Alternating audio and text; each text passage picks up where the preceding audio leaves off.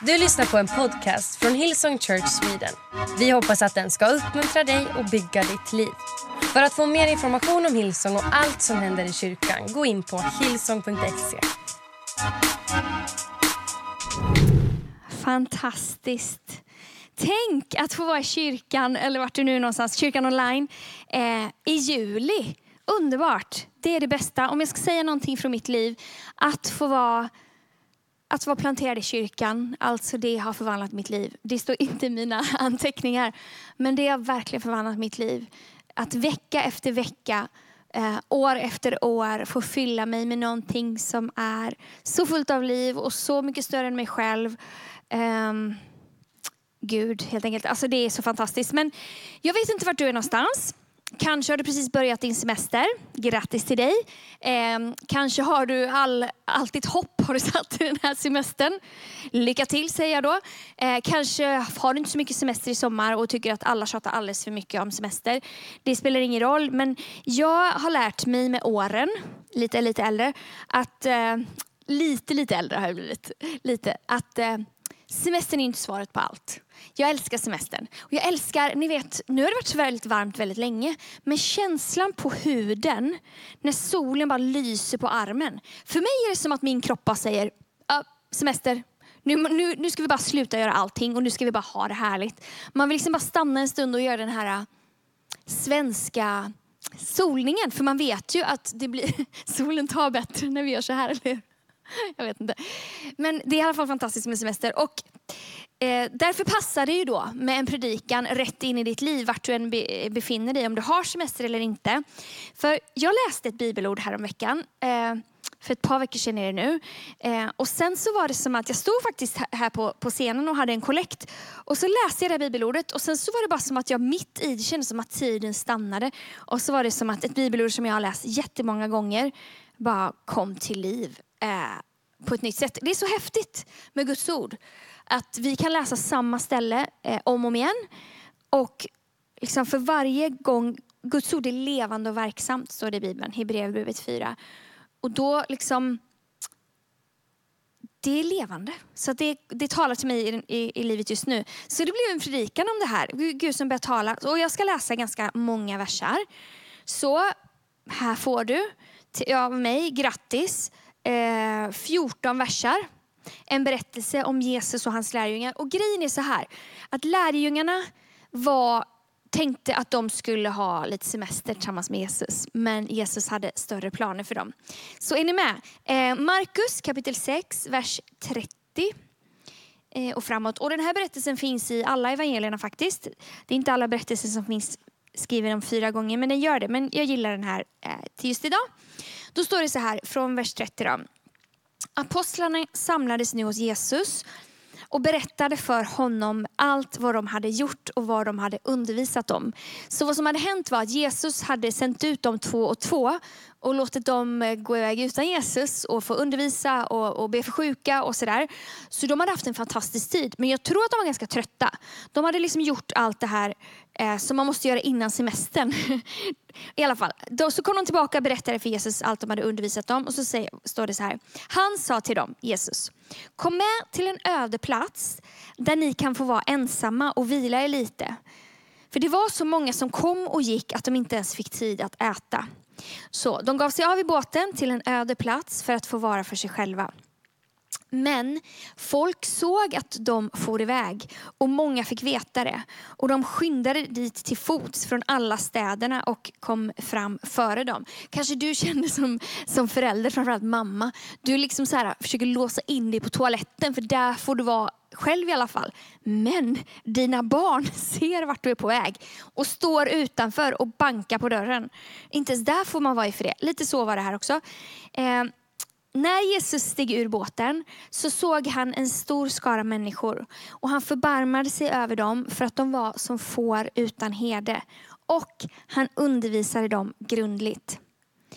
Timmen var redan sen när hans lärjungar kom till honom och sa Platsen här är ödslig och timmen är, eh, förlåt, och timmen är redan sen. Skicka iväg dem så att de kan gå till gårdarna och byarna här omkring och köpa sig något att äta. Men han svarade, ge ni dem att äta. De frågade honom, ska vi gå och köpa bröd för 200 denarer, det var 200 000 kronor ungefär, och ge dem att äta på den tiden och ge dem att äta. Han sa till dem, hur många bröd har ni? Gå och se efter. De tog reda på det och sa, fem bröd och två fiskar. Vers 39. Då befallde han att de skulle låta alla slå sig ner i gröngräset i skilda matlag. Och de satte sig ner i grupper om hundra eller femtio. Och han tog de fem bröden och de två fiskarna, såg upp mot himlen, tackade Gud, bröt bröden och gav åt sina lärjungar för att de skulle sätta fram åt folket. Han delade också ut av de två fiskarna åt dem alla. Och alla åt och blev mätta. Och man plockade ihop tolv korgar fulla med brödbitar och fisk. Det var 5000 män som hade ätit. På den här tiden så räknade man män av någon anledning. Så man vet att om det var 5000 män så kanske det var 5000 kvinnor och 5000 barn i alla fall minst. Så det kanske var ungefär 15 000 pers här. Eh, Härlig berättelse, eller hur? Kanske har du hört den i söndagsskolan, om du gick i söndagsskolan. Kanske har du hört den på en kollekt. Att när vi ger någonting till Gud så välsignar han det och det är så sant. Eh, men när, man, när vi kommer till vår semester, jag tänker att det finns några saker som vi kan känna igen oss i, som jag känner igen mig i. Det första är, lärjungarna var ju trötta. De var glada men de var nog rätt trötta. Alltså, de hade varit ute och hjälpt människor och de hade gjort jättebra saker men de var helt slut. Och om du har gått på semester någon gång så vet du att veckorna innan så vill man bara hinna med allting.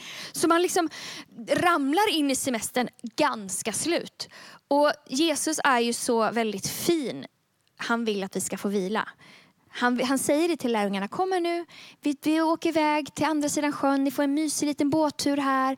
Eh, så ska, vi, så ska vi ha det bra tillsammans. Då kan ni berätta, så kan ni fundera över och reflektera över vad som hänt och vila upp er och sen så kan vi, kan vi ta tag i saker igen. Kanske det som du drömmer om för din semester. Eh, och Det står Jesus säger på ett annat ställe i Matteus kapitel 11 och vers 28. Eh, kom till mig alla ni som arbetar och bär på tunga bördor, så ska jag ge er vila. Ta på er mitt ok och lär av mig, ty jag är mild och ödmjuk i hjärtat. För då ska ni finna ro för era själar. Ty mitt ok är milt och min börda är lätt. Han vill ge oss vila. Och det är fantastiskt. Vila, eh, vila är ju en princip som Gud har skapat. Gud vilade på den sjunde dagen och det var människans första dag. Så tanken är att vi, vårt liv ska utgå från vila. Att Gud är allting vi behöver och sen så är vi fulla av kraft och så lever vi livet utifrån det. Vi å andra sidan jobbar ofta först och vilar lite sen helt utsli eh, utslitna. Och det var det som var med lärjungarna här. Så de var trötta, kanske är du det också. Eh, men sen så var det det här, de tänkte liksom att nu ska vi åka förbi här. Vi ska åka på den här lilla båtturen, det ska vara fint väder. Sen när vi kommer fram, då ska vi både ha jättebra kvalitativa samtal, vi ska göra roliga tävlingar. Jag ska också hinna jobba på min solbränna. Jag ska också hinna städa, liksom, eh, jag vet inte vad de ville göra. De städar inte för de åkte iväg någon annanstans. Ni fattar, alltså alla de här förväntningarna som vi har på vår semester. Vi ska vara hur effektiva som helst. Vi ska vila jättemycket samtidigt som vi ska ha tid med familj och vänner och hinna lägga upp bilder om det, hur lyckade vi är. Liksom. Men så kommer de på andra sidan och direkt så förstörs eller störs semestern av behov. Och så är det ju i våra liv också. Väldigt ofta man tänker att det ska vara liksom en sån perfekt semester. Men behoven finns ju även på semestern. Där finns din sura mamma kanske. Jag har inte en sur mamma, men du kanske har det. Där finns dina jobbiga barn. Kanske jag har inga jobbiga barn, men du kanske har dem. Där liksom får man en förkylning. Eller så är det liksom en person, en granne som inte lämnar en i fred. Allting. Man ska umgås med familjen och det ska vara så härligt och fint. Och man tänker hela, hela året har vi sett fram emot det här. Så gnisslar det lite och så kommer man inte riktigt överens för att alla är lika trötta. Så, här. så Plötsligt är det behov, plötsligt är det människor som behöver mitt tålamod, min kärlek, min omtanke. Eh, så lärjungarna förväntade sig semester. Men Jesus hade större planer. Och Det är det jag skulle vilja dela eh, kring idag. Du kanske förväntar dig semester, eller i alla fall härliga ljusa sommarkvällar. Men Jesus har större planer. Han har större planer för våra liv. Och Jag älskade eh, eh, Fearless-podden för några veckor sedan när Andreas och Erik pratade om eh, att vila och växa. Jag kan verkligen rekommendera det. Fearless-podden, googla på den så hittar du den någonstans där man lyssnar på podcaster. Men det handlar om det om att det, semestern, att bara vila på semestern eller bara ta det lugnt, det är inte svaret på allt. Utan Gud vill någonting mer för oss. Ehm, men jag har märkt att han ger oss valet. Så vi får ofta välja hur vi vill att våra liv ska vara. Gud säger det eh, i femte Mosebok 30. Liv och död har jag lagt, välj livet. Liv och död har jag lagt i era händer, välj. Ni får välja, vi får välja. Det finns en fri vilja. Vi får välja hur våra liv ska vara. Och när jag såg det här, eh, den här berättelsen och jag tittade sen, det var ju fantastiskt vilket mirakel de fick vara med om. Att det var ju ändå upp till lärjungarna att välja någonting. Och tack och lov så valde de till slut rätt. Jesus väljer oss ofta, eh, lär oss ofta och hjälper oss ofta att till slut välja rätt i alla fall.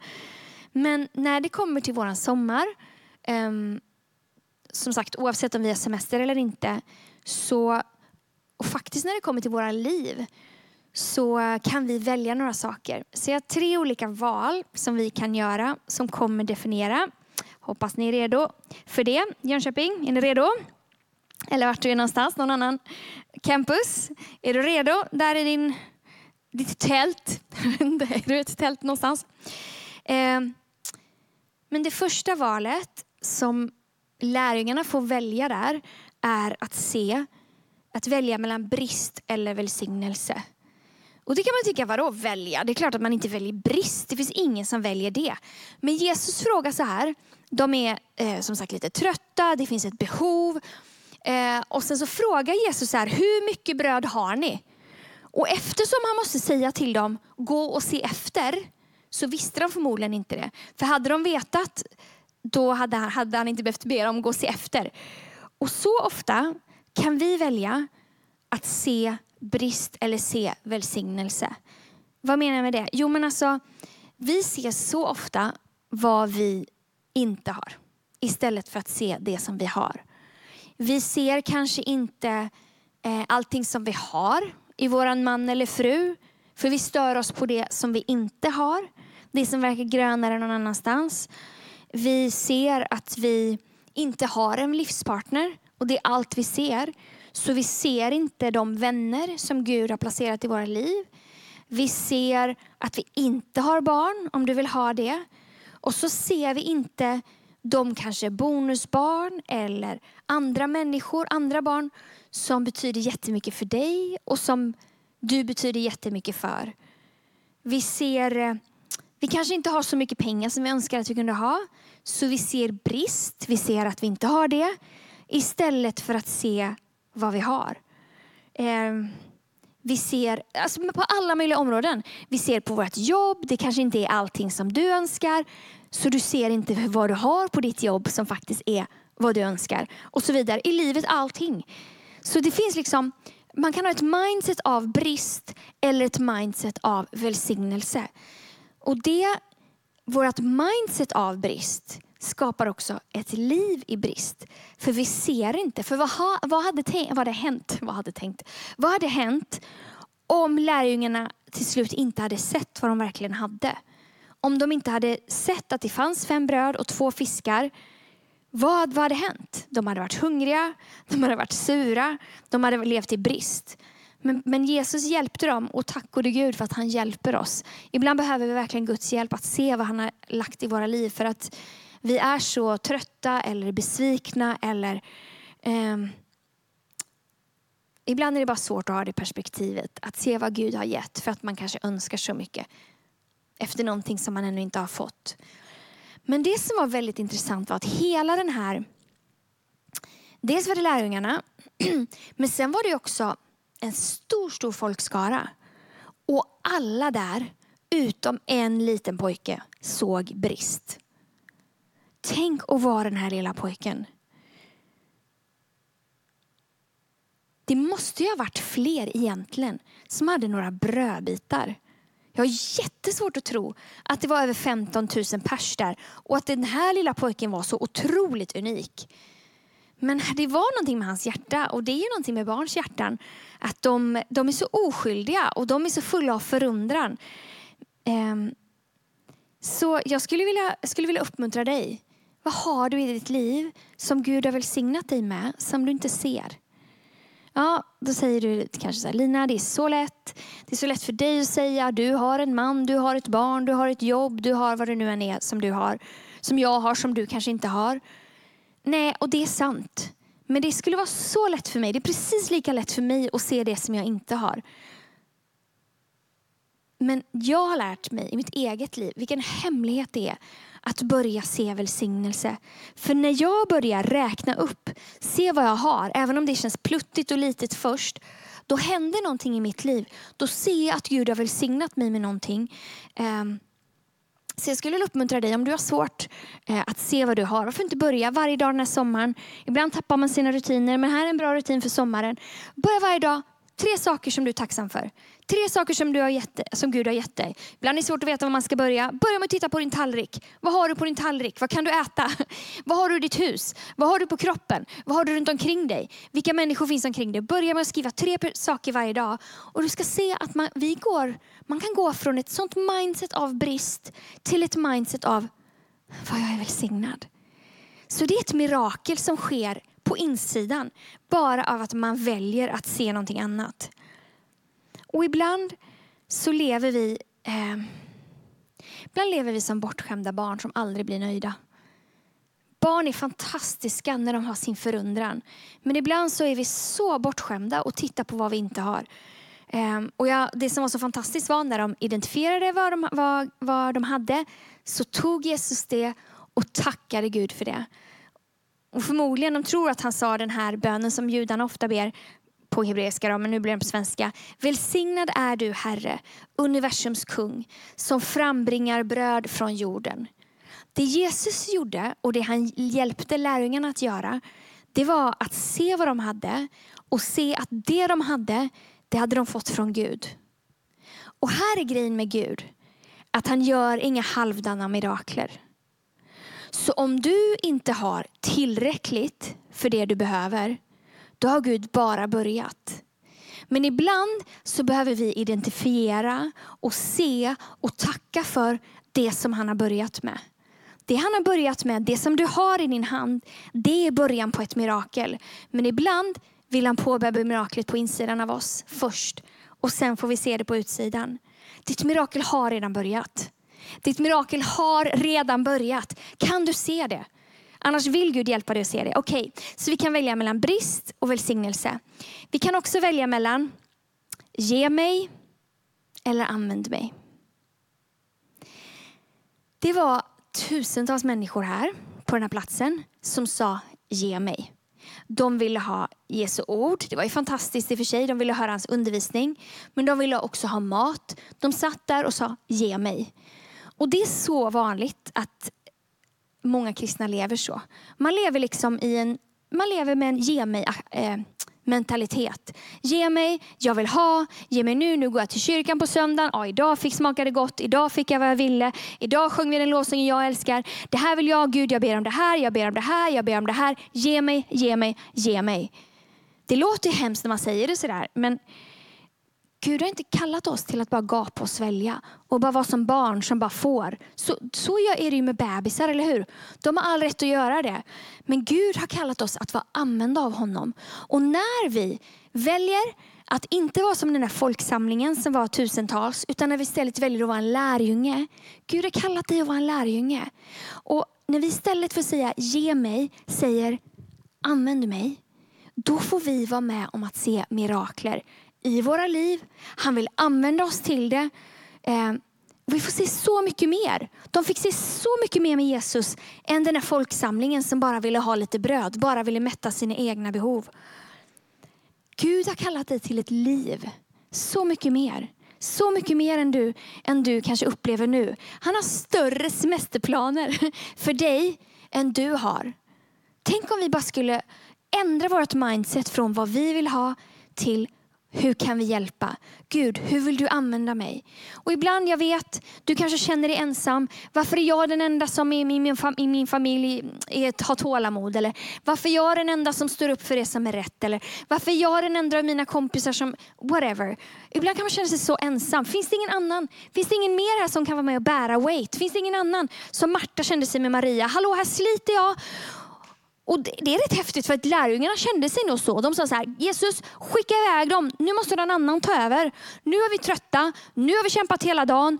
De hade förmodligen, det var ju tusentals människor där, så Jesus hade förmodligen ropat ut undervisningen. Och lärjungarna fortsatte liksom att ropa ut så att det skulle nå till alla. Så de hade gjort sitt liksom, sitt jobb kan man tycka. Och nu tyckte de nu ska någon annan ta över. Men Jesus säger inte det. Han säger inte nej nu är det bra att någon annan tar över. Nu ska ni ta det lugnt. Nu ska ni sluta ge. Han är så frustrerande. Han säger ge ni dem att äta. Han säger jag vill använda dig. Och det kan man ju bli galen på. Men när Jesus säger det då vet vi att det också finns en välsignelse bakom. En välsignelse efteråt och det kommer vi komma till här. Bland annat att lärjungarna som delade ut maten, de hade liksom som en eh, det beskrivs som en, som en korg som de hade bundit så här. Så gav Jesus dem mat och så gick de och delade ut. Sen när allting var gjort, då fick lärjungarna jättemycket mat i sina korgar. De fick massa välsignelser. För att istället för att säga ge mig, så sa de använd mig. Och jag vill bara säga att folkskaran, ibland så förlitar man sig på folkskaran och önskar att de gjorde mer. Men de kommer inte ge dig det du behöver. Men Gud kommer belöna dig och ge dig det du behöver. Så det spelar ingen roll om andra människor inte gör det de ska. Om du följer Gud, om du gör det som är rätt, om jag gör det som är rätt så kommer Gud välsigna oss för det. Um, amen. Kära någon, tiden går så fort. Jag måste nästan hoppa över något bibelord här. Men du läser ju din bibel i vanliga fall också så det är bra. Men när man lever som barn, nej, jag ska läsa det här faktiskt, Hebreerbrevet kapitel 5, vers 11. Så säger eh, personen som skriver det här eh, kapitlet, det är lite olika, eh, folk tycker, tror lite olika vem som har skrivit, men det är Guds ord i alla fall. Det finns mycket mer vi skulle kunna säga om det här, men ni är tröga till att lyssna och därför är det svårt för er att förstå. Aj. Ouch. Ni borde vid det här laget kunna undervisa andra. Men istället behöver ni än en gång bli undervisade om grundsatserna i Guds kunskap. Ni behöver åter mjölk, inte fast föda. Den som fortfarande lever på mjölk är ett spädbarn och kan inte förstå en undervisning om rättfärdighet. Den fasta födan däremot, som är riktigt god, är till för vuxna. För de som genom lång träning har lärt sig att skilja mellan gott och ont. Vet du vad? Vi är inte kallade att leva som barn. Alltså vi är kallade att leva med förundran som barn. Vi är Guds barn. Men Gud har kallat dig att vara en vuxen, att vara hans lärjunge, att vara använd av honom. Och du vet, om du är vuxen så vet du att när man är vuxen så får man tillgång till långt mycket mer än när man får om barn. Det är då det roliga börjar. Så vi kan välja som troende att istället för att vara en folksamling som säger ge mig, vara en person som säger använd mig. Det tredje som vi kan välja mellan, det är realism eller tro. Realism, det var när de sa, hmm, vi tror att det kommer kosta ungefär 200 denarer, då kommer vi kunna köpa i alla fall lite mat till alla och dela ut. Och tro handlar om att lägga det vi har i Guds hand och lita på att han kan göra något som bättre än det vi vet. Och den här världen, idag i samhället, vi lever ju på realism. Alltså realism, vad som, är, vad som är rimligt, vad som är rätt, vad som är politiskt korrekt. Det ska bara vara rimligt, men tro. Gud kallar oss till ett liv i tro. Det står i Hebreerbrevet kapitel 10, vers 38. Men min rättfärdige ska leva genom tro. Men om han däremot drar sig undan är han till ingen glädje för mig mer. Eh, grundtexten, eller ja, sammanhanget där pratar om att Gud gläds inte när vi drar oss undan och när vi inte litar på honom. Han gläds när vi litar på honom, när vi, när vi tror honom om någonting, när vi vågar ta små eller stora steg i tro då får vi se mirakler som lärjungarna fick göra. Tänk om Gud har tänkt att du den här sommaren ska få vara med om någonting som är mer, som är djupare, som är bättre än bara den semestern som du så fint har planerat in eller de ljusa sommarkvällarna. Tänk om vi som kyrka, om vi som individer skulle välja skulle välja att inte vara som folkskaran utan välja att vara som lärjungarna. Välja att, eh, välja att se välsignelser, välja att säga använd mig, välja att, eh, välja att tro på honom. Jag undrar vad vi skulle få se då. Jesus säger i Markus 9.23 allt är möjligt för den som tror. Lever du ett liv där allt är möjligt? Eller har du gett upp för realismen? Gud kallar oss till ett liv i tro och han vill hjälpa våran otro. Så hur kan vi leva ett sånt liv som lärjungarna gjorde? Hur kan vi den här sommaren väl göra rätt val? Hur kan vi se, ett, eh, se någonting större? Hur kan vi få, få uppleva någonting mer än det som realismen leder oss in i? Ja, tre saker. Det första är håll dig nära livets bröd. Livets bröd, det är Jesus. Nu vet, han bröt brödet och delade ut det. Men han säger också att jag är livets bröd. Och varje dag får vi komma till honom och be honom om det vi behöver och han ger oss det. Och sen kan vi dela ut det, vi kan käka själva, billigt talat, och ge det till andra. Men jag vill uppmuntra dig, ha en rutin av det i sommar. På sommar så liksom vi tappar rutinerna så ofta. Men tänk om vi varje morgon, tänk om du varje morgon, även om du inte är en andaktsperson, bara börja varje morgon den här sommaren. Behöver liksom inte ta en halvtimme, eller en trekvart eller två timmar. Du kan ta två minuter och säga min far som är i himlen. Låt ditt namn bli helgat. Låt ditt rike komma i mitt liv.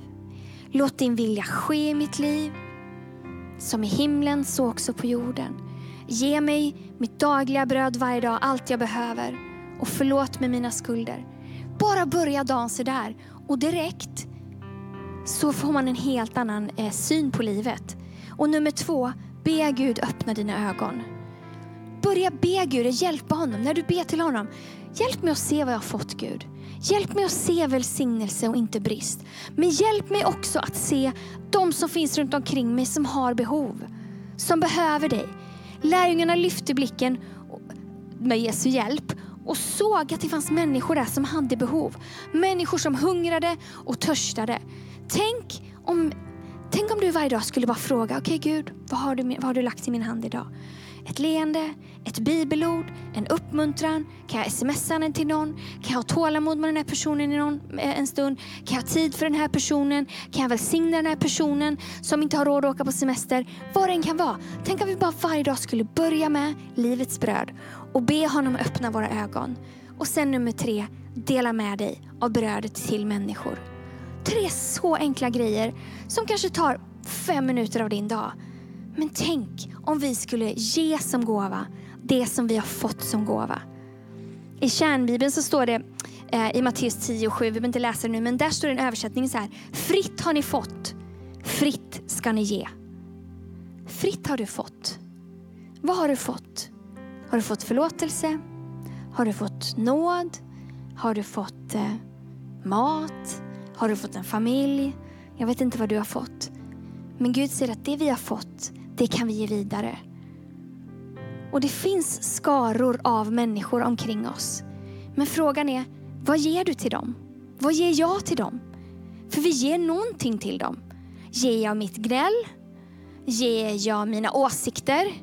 Ger jag eh, mitt skvaller? Eller ger jag hans ord? Ger jag dem av det levande ordet? Återigen, handlar inte om mig. Det handlar bara om honom. Att han kan ge mig det jag behöver och jag kan bara ge det vidare. Och Det är så häftigt i det här stället för det står att Jesus han fortsatte att ge. Han gav, lärjungarna delade ut, sen kom lärjungarna tillbaka och han gav, lärjungarna tog det, delade ut, sen kom de tillbaka. Och Det här är en process, ett sätt som vi kan leva våra liv. Jag vill uppmuntra dig den här sommaren. Ta tid till Gud, till, till livets bröd. Be honom att öppna dina ögon och ge av, som gåva det som du har fått som gåva. Om vi gör det, då kommer vi bli förvandlade. Det kommer hända ett mirakel på insidan av oss. Men det kommer också hända ett mirakel på insidan eh, av andra människor. Men jag skulle också som avslutning bara lyfta upp den här pojken. Jag fascineras av den lilla pojken. Han är helt otrolig. Han var inte, han var inte en av lärjungarna. Han var en del av folkskaran. jag skulle vilja prata till dig som känner att du är en del av folkskaran. Du har kanske hört talas om Jesus, du har kanske eller ja, så har du bara googlat in här och plötsligt står jag här i vit kavaj och pratar med dig. Eller så är det någon av våra rum i, i Malmö eller Jönköping eller, eller eh, Stockholm, vart du nu än är någonstans. Och bara, okej okay, den här Jesus, han verkar ganska bra och jag vill ha. Jag vill äta av det som han har. Men jag vet inte vem han är och jag känner honom inte fullt ut. Eh, jag skulle vilja uppmuntra dig att vara som den här lilla pojken. Den här lilla pojken, han vågade komma fram till Jesus.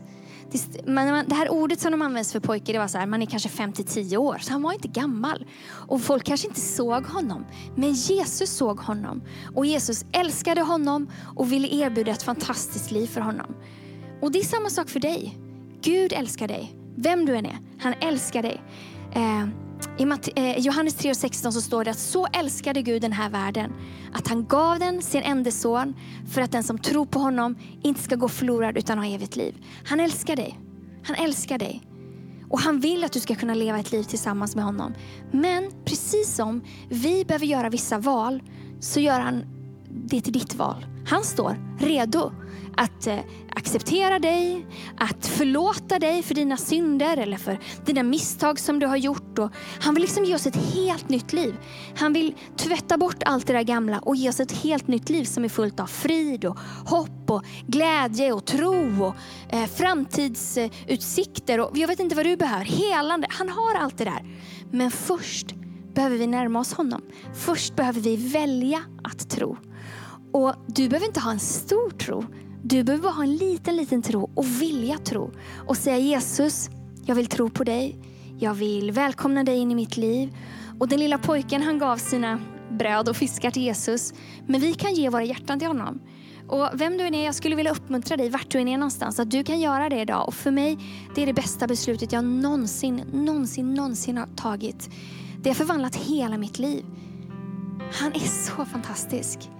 Och idag så har du möjlighet att ta emot honom. Så om du vill göra det, du behöver inte ha alla svar, du behöver inte veta allt. Du kan bara välja, Gud, jag vill ge mitt liv till dig. Och jag vill att du ska ge ditt liv till mig. Liv på riktigt, liv in i evigheten. Liv på alla livets områden. Liv på djupet då kan du göra det idag. Så om du är online eller om du, om du är i ett av våra rum, det vill säga på någon av våra campusar, då kan vi bara blunda eh, och, och böja våra huvuden, bara i respekt för den som är bredvid. För att det här är mellan dig och Gud. Så nu när du står här och blundar och böjer ditt huvud, då vill jag jättegärna ge dig en möjlighet. Och jag vill be för dig. Eh, och där och då så bara välkomnar du Gud in i ditt liv och du kommer bara märka att det är något helt fantastiskt som händer. Så om du vill göra det för första gången eller om du kanske har vandrat bort ifrån Gud och vill komma tillbaka till honom, då är du precis lika välkommen. Så jag kommer be dig just nu vart du än är, om du är i ett rum eller om du är online, så får du just nu medan alla andra blundar bara räcka upp din hand lite försiktigt. Jag är här och du är där, men Gud ser att du räcker upp din hand och det är som ett tecken till honom att eh, du vill ta emot honom och att du vill tillhöra honom. Ska jag vänta på några fler? Och sitter du liksom på en buss eller olägligt till så bara lyft din hand lite försiktigt.